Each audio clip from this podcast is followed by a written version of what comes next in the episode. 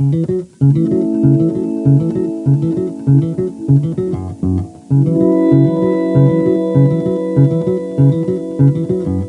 and welcome to IT Conversations, a series of interviews, recordings, and transcripts on the hot topics of information technology. I'm your host, Doug Kaye, and in today's special program, I'm pleased to bring you a presentation from the O'Reilly Open Source Convention held in Portland, Oregon, July 26th through 30th, 2004.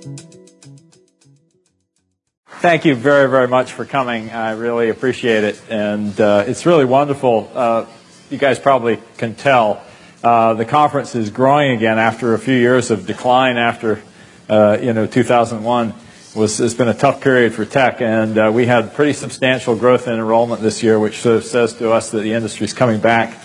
Uh, you're coming back, and it's fantastic to see that happen. So, thank you for coming. Uh, the talk I'm going to give you this morning is is a rapid fire uh, run through of a bunch of ideas uh, that are preoccupying me and hopefully to some extent my company. Uh, not, notwithstanding, it's sometimes very hard to get people, even uh, who work for me, to pay attention to my my vague ideas. I'm tearing my hair out, saying, "Hey, here's this really important thing," and they're kind of going, "You well, t- say, tell me more," uh, or sometimes they're they're just going on. So. But what I really uh, want to start with is just a brief idea about what we think we do at O'Reilly. Now, some of you have heard this before, uh, but I, I really want to get this point across. We don't publish books. What we really do is we try to capture the knowledge that the innovators among us have. Right? So we basically are all about helping to change the world by getting the knowledge of the people who are inventing the future. So we try to find people who are really cool, doing interesting things, and find ways to spread the word. And sometimes that's a book, sometimes it's a conference, sometimes it's online publishing, or it might just be going out there and doing some activism. So what we have to do is we have to keep finding the new transformative technologies. Right? So this is this premise that underlies everything we do, that there's sort of a hacker frontier, if you like, you know, where new and interesting things come out. And the, people I sometimes call the alpha geeks get out there and start experimenting with them. And they say, oh, it doesn't work quite the way I want. And they start pushing the envelope and they start showing us where the technology really wants to go. And then along comes some entrepreneur and says, ooh, really good idea. Let me go to a venture capitalist. You know, and uh, then we start having new companies start around this idea. And then eventually uh, some big player says, oh, I'm either going to buy that entrepreneur or I'm going to copy what they did. Uh, and uh, eventually the technology gets incorporated into some relatively stable and maybe even boring platform. Right? And the hackers say, oh man, this isn't so cool anymore. They go find something new and cool. And what our job at O'Reilly is, is to make sure that we follow the people to those new frontiers and keep bringing the new ideas back. So that's really what this talk is about. It really summed up by this wonderful quote from William Gibson, which I've shared with many of you before. The future is here. It's just not evenly distributed yet. You guys, many of you, are doing things that are going to be embraced by millions of people two or three years from now, or five years from now, or ten years from now. For example, we have a book uh, coming up called uh, Car PC Hacks, right? People hacking computers into their cars, right? Well, this will be in the, you know, in the, the 2009 models from Detroit, right? But there's people now who are doing it today, right? It's that, it's that kind of idea. So we try to find the future, the little pockets of it, and uh, move along with it. So let me talk briefly about what's on the radar now. Those of you who were here last year heard a talk that I gave called the Open Source Paradigm Shift. I've given it about 30 times in the last year, and uh, I'm going to give you the uh, 10 minute abbreviated version of it here. You probably noticed that we're starting to publish more books about sites like Amazon, Google, eBay, PayPal. And uh, we've been thinking a lot about what these guys mean. The fact that these are the new killer apps, if you like, of the computer industry Google, eBay. You know, I was at the eBay Live conference recently, and there was a company that's making $30 million a year getting, you know, 1% of transactions um, you know, from people using their seller tool. There's this whole ecosystem of software developers around eBay building tools for that environment. You know, it's really becoming a platform.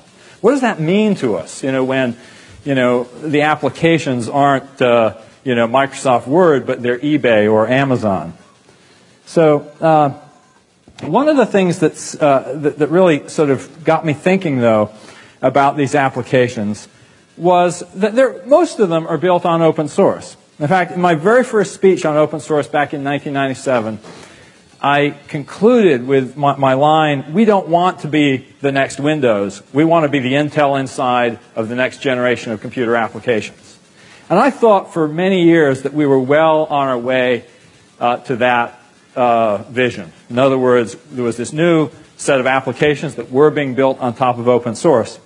But over the last few years, my thinking on that has evolved, and I want to sort of share with you uh, some of the somewhat disturbing implications of what's actually happening. And it's really summed up by a, a, a, phrase that Clayton Christensen, the author of a book called The Innovator's Dilemma, used in a Harvard Business School uh, Business Review article in uh, February of this year. Uh, he's talking about uh, commoditization of industries, and it's something a number of us have been talking about that open source is related to the commoditization of many types of software that were formerly seen as sources of a great deal of, of value. And, uh, you know, so you have people like Jim Allchin at Microsoft saying, uh, you know, open source is an intellectual property destroyer because, of course, it's taking away something that Microsoft was charging a lot of money for and turning it into something that has much smaller value. Bob Young of Red Hat once said, uh, My goal is to shrink the size of the operating system market. So that's all software commoditization. What Christensen said, though, he said there's a law of conservation of attractive profits. He said when an industry becomes commoditized, value simply migrates to adjacent levels. And I think this, we can see this dynamic at work in our industry. So we had this uh, idea of the desktop application stack, and it kind of looked like this. IBM introduced this open architecture for a standardized personal computer in 1981. And we built this whole industry that was based on people assembling all the commodity components. You know, the old days, you know, building a computer was hard, you know, and you designed your own, you wrote your own operating system. And, uh, you know, when they, once they released those specs, uh, you know, they thought, wow, you know, it was just a short-term tactical move, but it changed the entire industry. You know, it took the, the power away from the hardware vendors, uh, and it pushed value up in ways that they didn't understand, so that Microsoft ended up with a lock on a very valuable layer up the stack. That's the law of, of conservation of attractive profits. Building computer hardware became much lower margin, that middle block in the, in the, uh, in the graph, and value went up the stack. But there was also a discovery that uh, Intel most notably made was that if you could figure out how to be the single source for a really valuable component in the system, you could also get enormous power. So value went down the stack as well. So the middle layer, the assembly of this commodity hardware became relatively low margin, and the businesses below and above became very high margin. That's Christensen's law of attractive profits, law of conservation of attractive profits.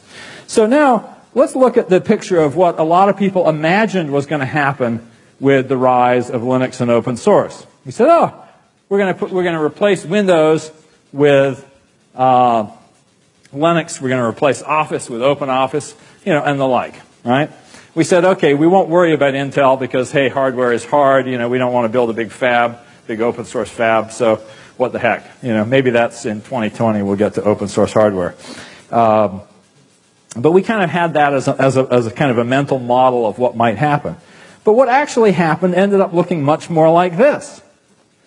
Uh, it's the same stack, same law of conservation of attractive profits, except what's happened is that there's a bunch of open source software components where before we had a bunch of open standardized hardware components that are being integrated by players like Red Hat or by IBM or HP or whomever, and uh, uh, you know new companies like Progeny that are kind of taking a new approach to building customized uh, uh, distributions. I think of them a little bit like taking the Dell model. Hey, we'll just get better at assembling these things, build the suit, uh, sort of like.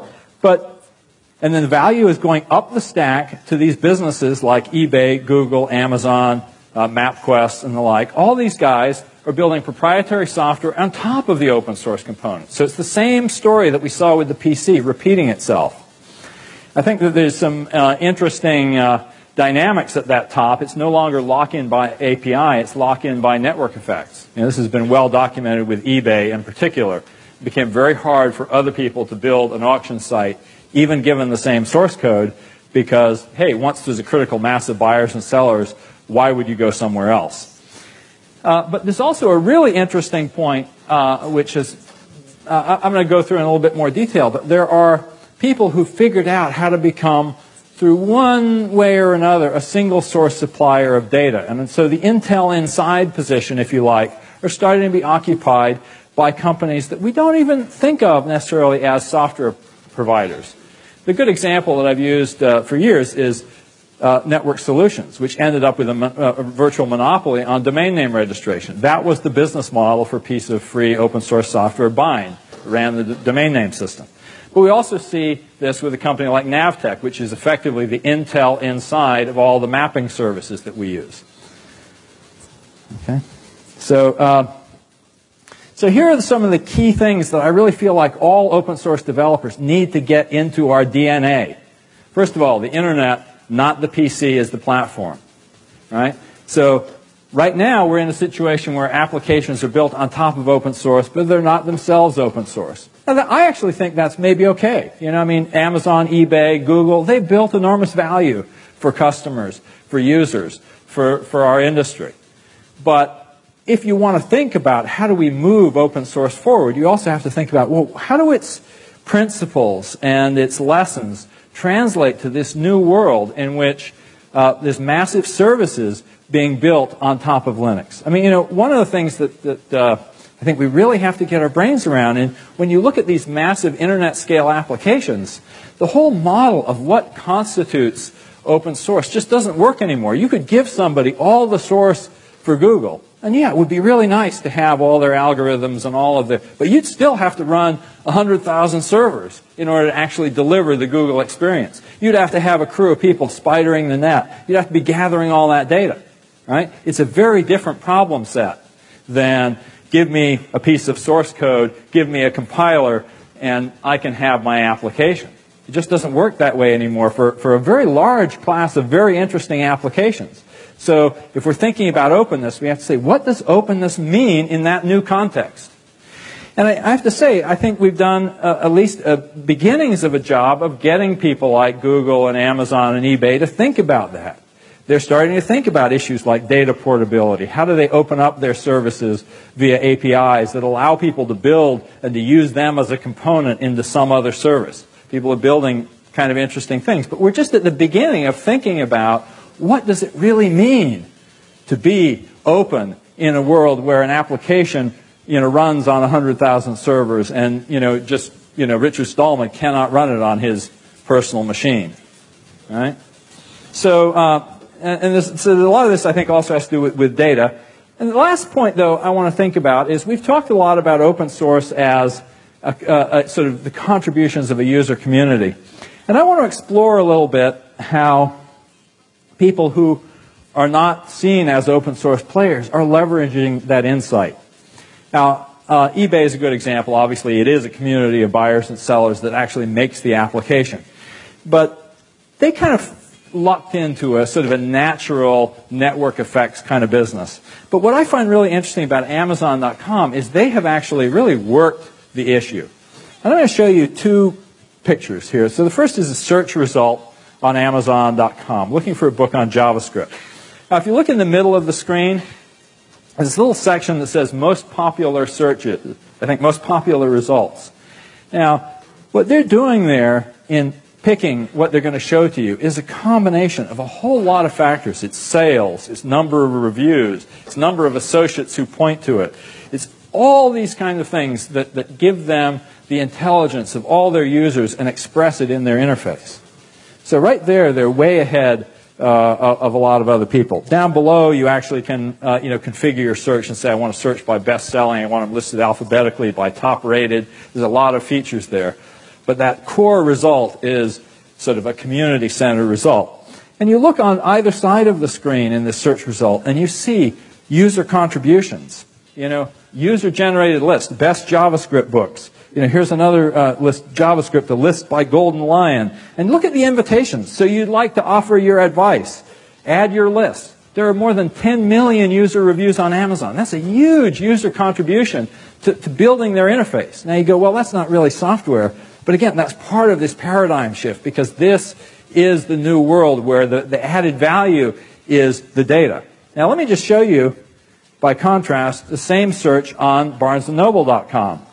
Right? You don't see any of those features. In fact, the first book that comes up in the search is published by Barnes & Noble. Right? So they don't get it. Now, what I know as a publisher is that for us, Amazon sells 10 times as many books as Barnes & Noble. They also have roughly 10 times the level of user contribution. This particular book has 192 reviews on Amazon, has 18 on barnesandnoble.com. So working your audience, working your users, trying to get them involved in building your product is happening even at this new proprietary layer uh, up on top of, uh, of open source. Now let me look at another one of the killer apps of the internet. I mean, everybody here probably uses MapQuest or maps.yahoo.com or actually since we're up in the Northwest, maybe you all use maps.msn.com. Hmm, why do I think not? Um, uh, but as a matter of fact, as far as I can tell, all three of those services have roughly equivalent market share. Now, why is it that eBay, Google, and Amazon were able to get really uh, sort of uh, market leadership way ahead of the competition? I think the answer is that they figured out how to incorporate user added value. And that became a network effect of increasing returns. Amazon is more useful because it has 10 times the number of reviews. But if you look at MapQuest, they were the guys who were a pioneer in this space. But they don't own anything. Right? They're commodity software on top of a commodity database that's provided by someone else. I would lay odds that if they had figured out early on how to get their users involved in building out the database with lists, with, uh, you know, with all kinds of added kinds of value that they would then have made a richer and richer service, which would have made it a lot harder for other people to enter the market. Uh, but in fact, that's not happening. And what is in fact happening is this company I mentioned before, uh, Navteq, uh, which is uh, just about to do an IPO, they're really become the Intel inside of the mapping business. These are the guys who own the data. They're the supplier to all three of those services. They're also the supplier to GM OnStar, to you know, automobiles uh, mapping systems. So these guys have figured out a really valuable piece of data that's going to be a component, you know, an Intel inside, if you like, of a whole class of, of internet applications. And so, you know, the, the takeaways for me here are, uh, are, are, you know, several. First of all, in this new world we're moving into, free and open source software doesn't guarantee freedom, right? Because the fact is, applications and the success of applications and the success of, of platforms depends on network effects. And there's various opportunities for data lock-in uh, that are much bigger than uh, the, the, opportunities for lock-in via uh, APIs. People can open up their APIs, they can open up their source code, and they can still have everybody locked in because of the increasing returns that come from network effects. So, uh, so that's one takeaway. Regardless of whether you're doing proprietary software, or whether you're doing open source software, I think it's really important to realize that data is becoming an increasing uh, frontier of what makes the added value of an application. And so it's really important for open source developers to start thinking about how do I build a participatory layer around the data that's used by my application, not just around the, the source code. And uh, in particular, you need to think about setting standards for user control of data. You know, so take a good example, Gmail. Here's a cool new application. But the real big issue about Gmail is who's going to own that data? They're going to have all, if, let's say we move increasingly to centralized services like Gmail. Data portability is going to be really, really important. So we better think about that now rather than thinking about it two or three years from now when we have uh, you know, all these wonderful services based on our years of accumulated data in services like that and say, gosh, you know, we'd really like to move to another provider and, uh, you know, we can't. So, you know, think about the, the future there. And the last thing was this lesson from Amazon about uh, taking a, what they did so well was they took a business that wasn't a natural network effects business and they built it into one by just finding lots of little ways to build advantage. So again, I, I think there's some really interesting ways to look at you know, really working projects to find lots of little access points for users. Uh, some big questions. You know, who's going to control the data?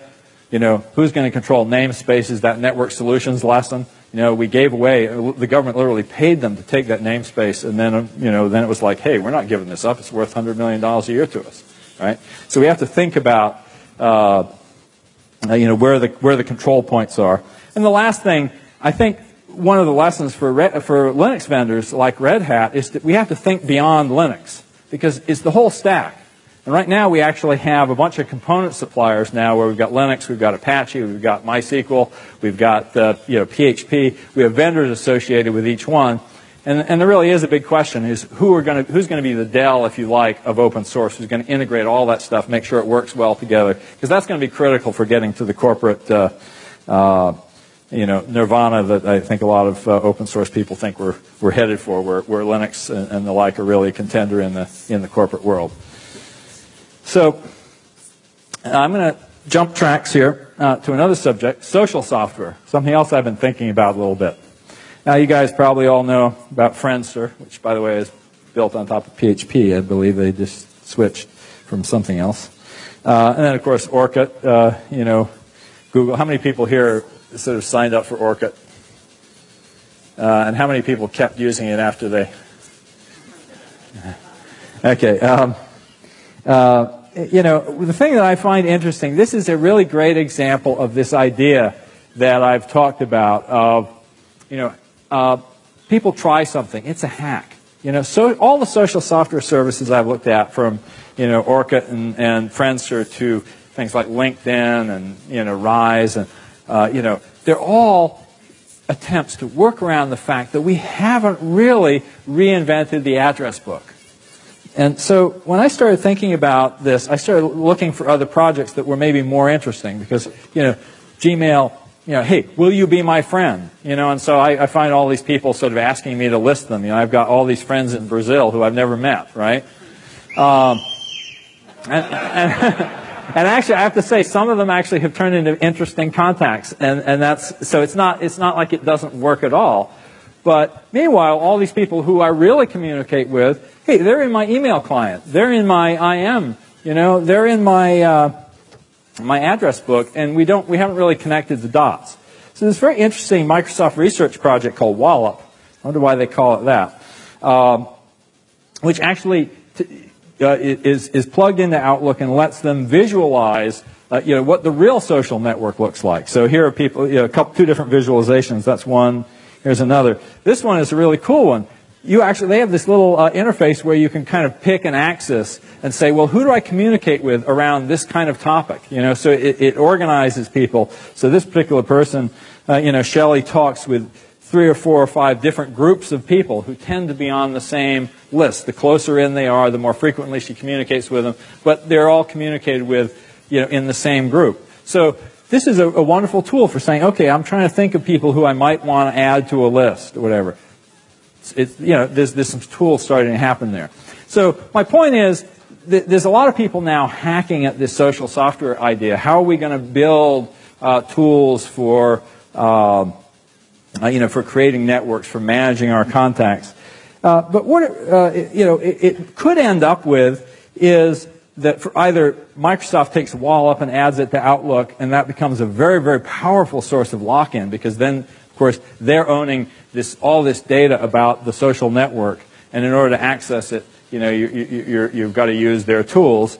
Or it could go the direction of something like Gmail. Suppose uh, uh, uh Google put Gmail and Orkut together, right? All of a sudden, it becomes a very, very powerful tool, but the data is all owned by someone else.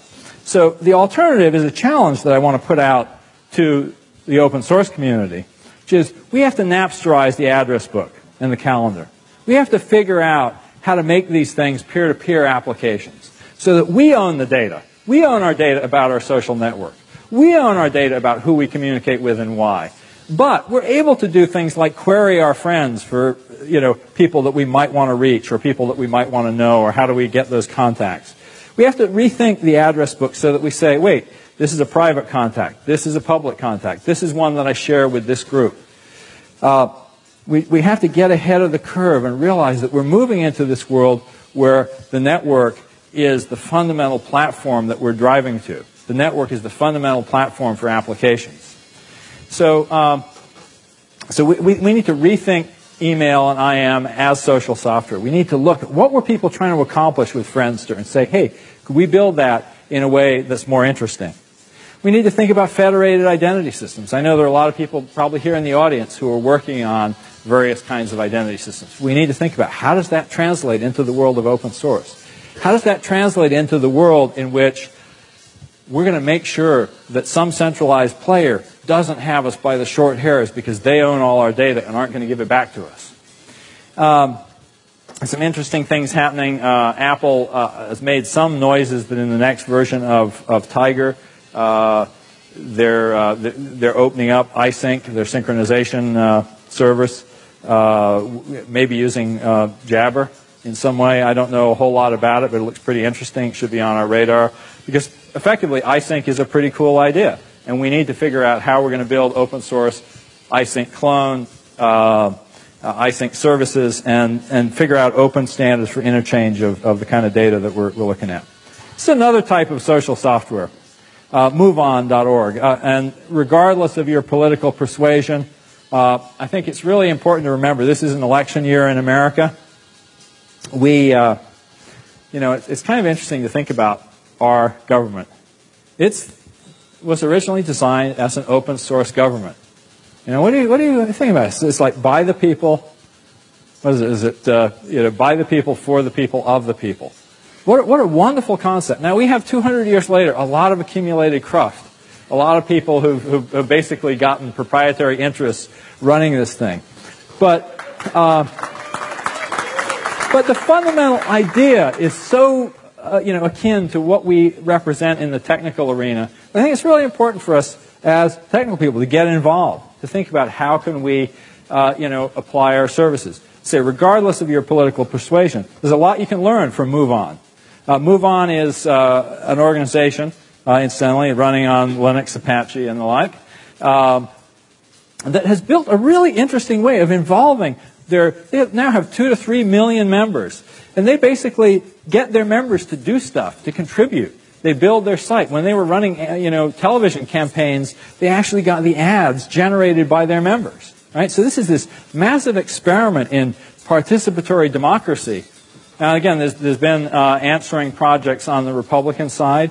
I think that, that that's, that's a wonderful thing because whatever we do, let's make sure we do it openly. Let there be competition, but let's make sure that it's a real competition where it really expresses the voice of the people. So, another theme I want to uh, spend a little time on is the idea of software above the level of a single device. This is a wonderful phrase that came from a guy named Dave Stutz. He's actually an ex Microsoft guy. Some of you know him. He actually lives here in Portland. Wonderful guy. He was the, the, the guy who did the, uh, the shared source implementation of, uh, of .NET. Uh, but uh, as an illustration of what uh, what I mean by this, what I've taken Dave's comment to mean, I'm going to point you to iPod and iTunes. Now, this is not an open source project, but it has some real lessons for open source developers. Think about it for a minute. This is, is really the first application that has done a seamless integration all the way from the server down to a handheld device. Neither one is an add-on. You have this wonderful uh, you know, new uh, set of functionality that's just, it's just seamless all the way down to, uh, you know, a very, you know, neat handheld, wonderful integrated interface. You know, it's not, the, the, the iPod interface is not like a bad copy of the web interface or the PC interface, right? You've got the iTunes Music Store, whole web backend.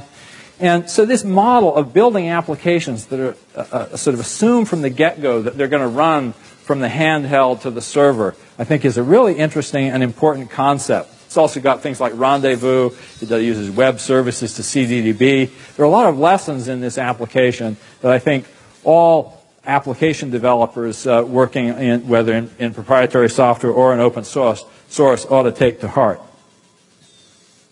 So some of the really important things, uh, rendezvous. I mean ZeroConf. I, I mean OpenTalk. You know, I don't know if you guys follow this, but uh, I guess somebody sued Apple over the Rendezvous name, and uh, it's unfortunate because Rendezvous was a really nice name. Uh, I think they're now going to call it OpenTalk, which is a bad name. So let's maybe use the IETF name of ZeroConf. But whatever it's called, it matters. How many people here uh, uh, are familiar with Rendezvous? Okay, that's, that's the, the wonderful thing. If you're on Mac OS 10, you know it immediately because you open up your, your little iChat, uh, you know, uh, IM client, and if you're in this room, it basically says, hey, who else is here? Right? Automatic rendezvous between all the, all the Mac laptops in this room. Every person who has an iChat client is discovering each other randomly. What's more, you know, iTunes has it, right? So, in fact, I, I was uh, upstairs last night working on my talk, and uh, I was getting slow performance on my machine because I had too many programs open. I go to shut down iTunes, and it says, "Oh, someone is listening to your music. Is it okay to shut down?" Right? right? Okay, that's rendezvous, right? So, the thing that's neat about the, it's actually a very small piece of code. It's open source. And uh, I believe in, in, in, there was a rendezvous tutorial yesterday, and they actually did a Ruby port during the tutorial. So that tells you how uh, easy it is. But uh, I know that, the, that Stuart Cheshire, who's the guy behind this, has a goal of trying to get Rendezvous into all the open source, as many open source projects and as many open source distributions uh, as he can. I really urge you guys to take a look at this technology. It's, it's part of this let's get out uh, from the PC metaphor into the networking metaphor. Okay, another project that's very high on my radar, Nat Friedman's dashboard. You know, just this wonderful idea of cooperating applications. You know, that we're in this data soup. Uh, for those of you who don't know uh, how the how the uh, the software works, is a little dashboard pane. When you're working in an application, uh, the applications these are all uh, mono applications, uh, but they, are basically instrumented so they in, they emit what Nat calls clue packets. Right. So basically, here you know he's in an IM client. And because it's emitting clue packets, the dashboard over on the, I guess that would be on the right side of the screen, you know, sort of shows information about the person he's communicating with, related files, uh, other things that they've, they've been doing. So it's just kind of like uh, automatic intelligence uh, from uh, one application that you're working in, uh, bringing up data from other applications that may have common uh, working points. Great project, really interesting. I mentioned earlier this idea of, of looking at what Apple's been doing with iSync. Uh, I believe there's going to be some openness coming there, so you should look at that. Firefox, it's wonderful to see, you know, the whole Mozilla project, uh, you know, sort of reemerging as a force in the browser wars. We've had some stagnation there. Uh, it's very much on my radar. Uh, mobile, you know, uh, this is uh, just, this is a blog about mobile. There was a story a, f- a few months back about Python on the Series 60 phones from Nokia. here's a phone. Doesn't, actually doesn't have Python on it, but That's because uh, I, have, I have lousy connectivity at my house, and that's the only time I have time to play with it. Um, but uh, you know, definitely look into you know getting our languages and our tools uh, into that mobile space. So, moving on. I have uh, only a very short time left, so I'm going to have to move real quickly. So, uh, I mentioned Safari. How many people here actually have tried Safari? Okay, it's a uh, it's an online book service where we're, we're basically built, we basically now have over 2,000 books online in a subscription service. If you haven't tried it, you can get uh, unlimited access during the conference, so you can try it. Uh, that URL, o'Reilly.com, go, oscon-safari.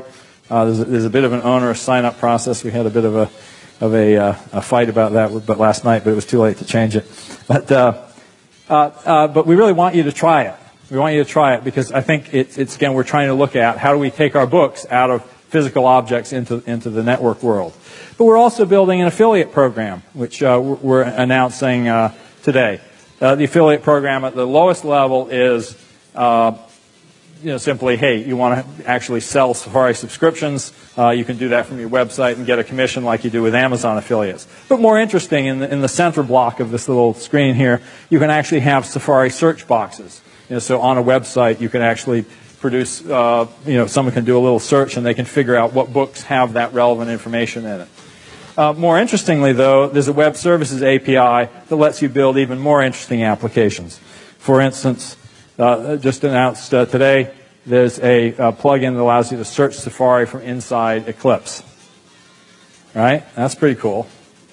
Um, there, uh, and I believe uh, So effectively, this gives you a web services enabled help system. And uh, Net, uh, Sun has told us that uh, they're planning on doing a NetBeans plugin.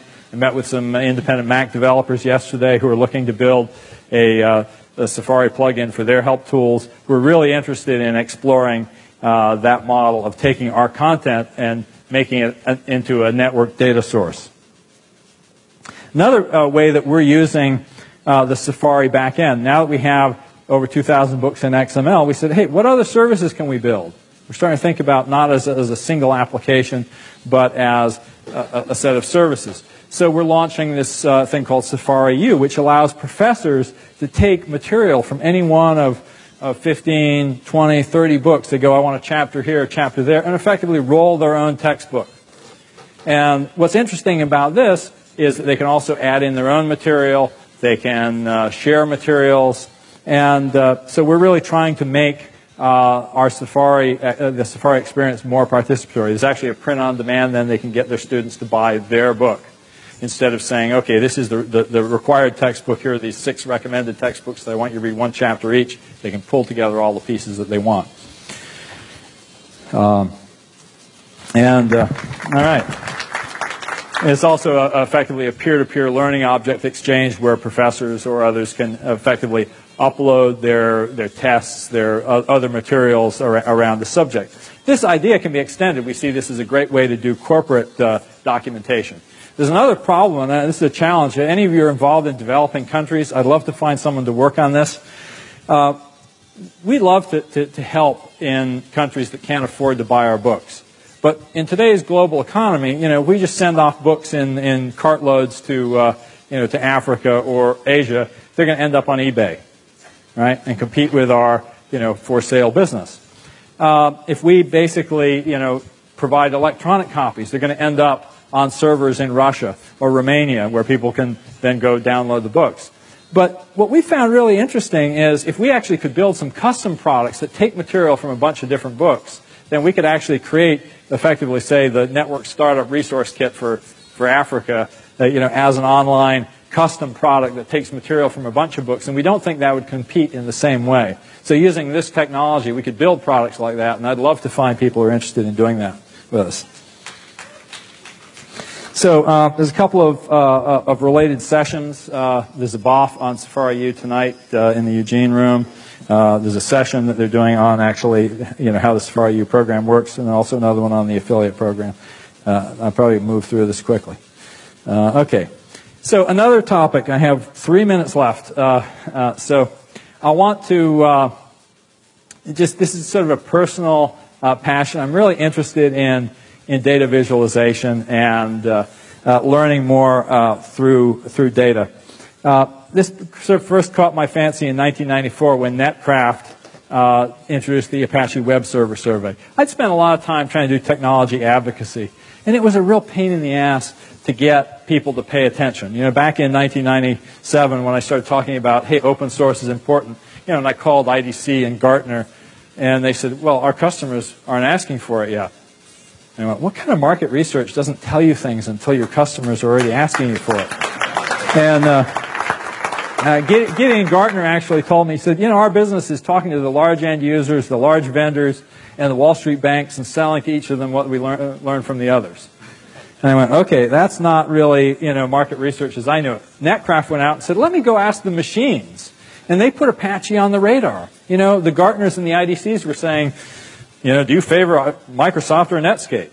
You know, and, you know, when uh, Mike Prettejohn went out there and, and uh, just sort of asked the machines, it became pretty clear that Apache was way ahead of both of them. That's a graph with the blue line on the top is the Apache market share. Totally changed the world of market research, changed the world of technology. So I've been fascinated with this idea of network enabled market research ever since then, but haven't really had time to pursue it. But in recent years, we've started uh, getting access to some really good data in our own business namely books. And this is a, a little application that uh, uh, some of my folks put together. It's actually based on something that uh, somebody did for visualizing the stock market. There's a thing on smartmoney.com, map of the market. We found an open source Java uh, widget that does the same thing. It's TreeMap widget. Uh, we then built a MySQL data mart where we've basically got a couple of years worth of book sell-through data from Amazon, Barnes & Noble, and Borders and the like through a service called BookScan. They just kind of give us a raw dump. Here are the top 3,000 computer books this week. But we've categorized it into, in, into categories. And now then we have this front end to it. So what's happening here, and actually we're doing a session where we'll do this live, but the size of one of those squares is the size of a category. So like that big green thing over on the right is Windows XP. It's one of the largest book categories still, even though it's five years since Microsoft. And it was up in that month, right? So the size, basically the size is the size of the market segment. The color is whether it's growing or shrinking. So bright green means it was really up in that period. This is, this is a shot for a month of the categories. If it's uh, red, it was down for that period. It gives us amazing data visualization. Let me show you, for example, a drill down into programming. Again, this is last month, ending on the 11th. All programming books were down for the month. Okay, all the hackers were taking the summer off, right? Uh, Perl, you can see, uh, uh is uh, the green block on the lower left, right? The uh, the sort of slightly green may even look black to some of you who are colorblind. The thing on the left, the, the biggest languages are, are Java and then uh, there's a, a, square block C, C++, then C sharp below it. You can kind of see the relative size of the market pretty quickly. See where, where then is Visual Basic and Perl. And what's that little bright green thing down in the corner? Can you guys see that? Uh, is it off the screen? No, it's there. This little bright green screen. So we said, wow, what, what was really up last month? Well, that turns out that was Ruby, right? So for those Ruby people here, there was a little bright spot in, in the last month. Anyway, this gives us an amazing ability to kind of look at technology, and then we can, we can kind of graph. So here's a graph of, a relative market share of, of all the different languages. And we can say, gosh, that, that blue line on top, that's, uh, that's sort of Java's path over the last year. It's actually been coming down. The red line uh, is, uh, uh yeah, Paul Graham's happy, right? um, uh, but it is, in fact, uh, you know, fairly by a fairly significant margin, the most popular language out there. The red line is Visual Basic. So it's actually, uh, you know, uh, at least as the tail of the books, Visual Basic has passed it. Uh, the yellow line, that's the third down, is C, C++. And boy, look at that green line, steady upward climb. Anybody want to guess what that is? PHP, right? Uh, but, but you know, gosh, that, that blue line just below PHP isn't doing so bad either. That's C sharp. Right? So C sharp is moving along. The line below that, the uh, you know sort of uh, yellow orange one is uh, is Perl. It's reasonably flat in terms of overall share. Uh, the other uh, there's a black line below that that's also flat. That's sort of uh, books on .NET that are multi-language. And then down below that, you can see Python took a bit of a, of a spike up. So anyway, it's kind of interesting. I've, I've, done a bunch of things here. We did some correlation with Google AdWords, price of Google AdWords versus programming languages pretty close fit. This is actually the sale of books versus the price of Google AdWords. Right? So there's other interesting indicators that tell us the same things about technology adoption. And then again, here's publishers. Yeah, yeah. Uh, I'd like to see that we're growing. uh, you want to do that? Yeah. Uh, also, interesting work going on about actually seeing who reads what. This is a visualization of, of, of uh, also related books uh, from Amazon. So got a couple of sessions here. I got to wrap up. Oh, wait, I got to tell you this one other thing about uh, that we're really following. Hardware hacking is really coming on strong for us, and we're actually launching uh, either in the fall or early next year. Actually, a hardware hacking magazine called Make. Uh, I'd like to invite you to a, a, a preview session and discussion. Um, there's also a session to meet the O'Reilly Network editors and uh, session on, on writing, reviewing, and instigating O'Reilly books because ultimately you guys are our radar. You're the people who tell us what's cool and interesting. We just try to summarize it, add it up, say, oh, yeah, yeah, yeah, that really, we've been hearing that a lot, or we're hearing that from somebody who we think is absolutely, you know, right on. So that's really, uh, you know, how you can help us. Come and, and give us your ideas, send us email, talk to us, uh, tell us what to do. Thank you very much, and I hope you think about uh, some of these ideas. Thank you.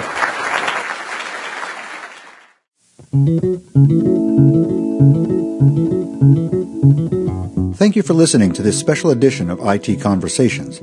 This edition was recorded at the O'Reilly Open Source Convention held in Portland, Oregon, July 26th through 30th, 2004. For more information regarding this and future O'Reilly conferences, visit conferences.o'reilly.net. This program is copyright 2004 by the presenter, O'Reilly Media, and RDS Strategies, LLC. My name is Doug Kaye, and I hope you'll join me next time for another edition of IT Conversations.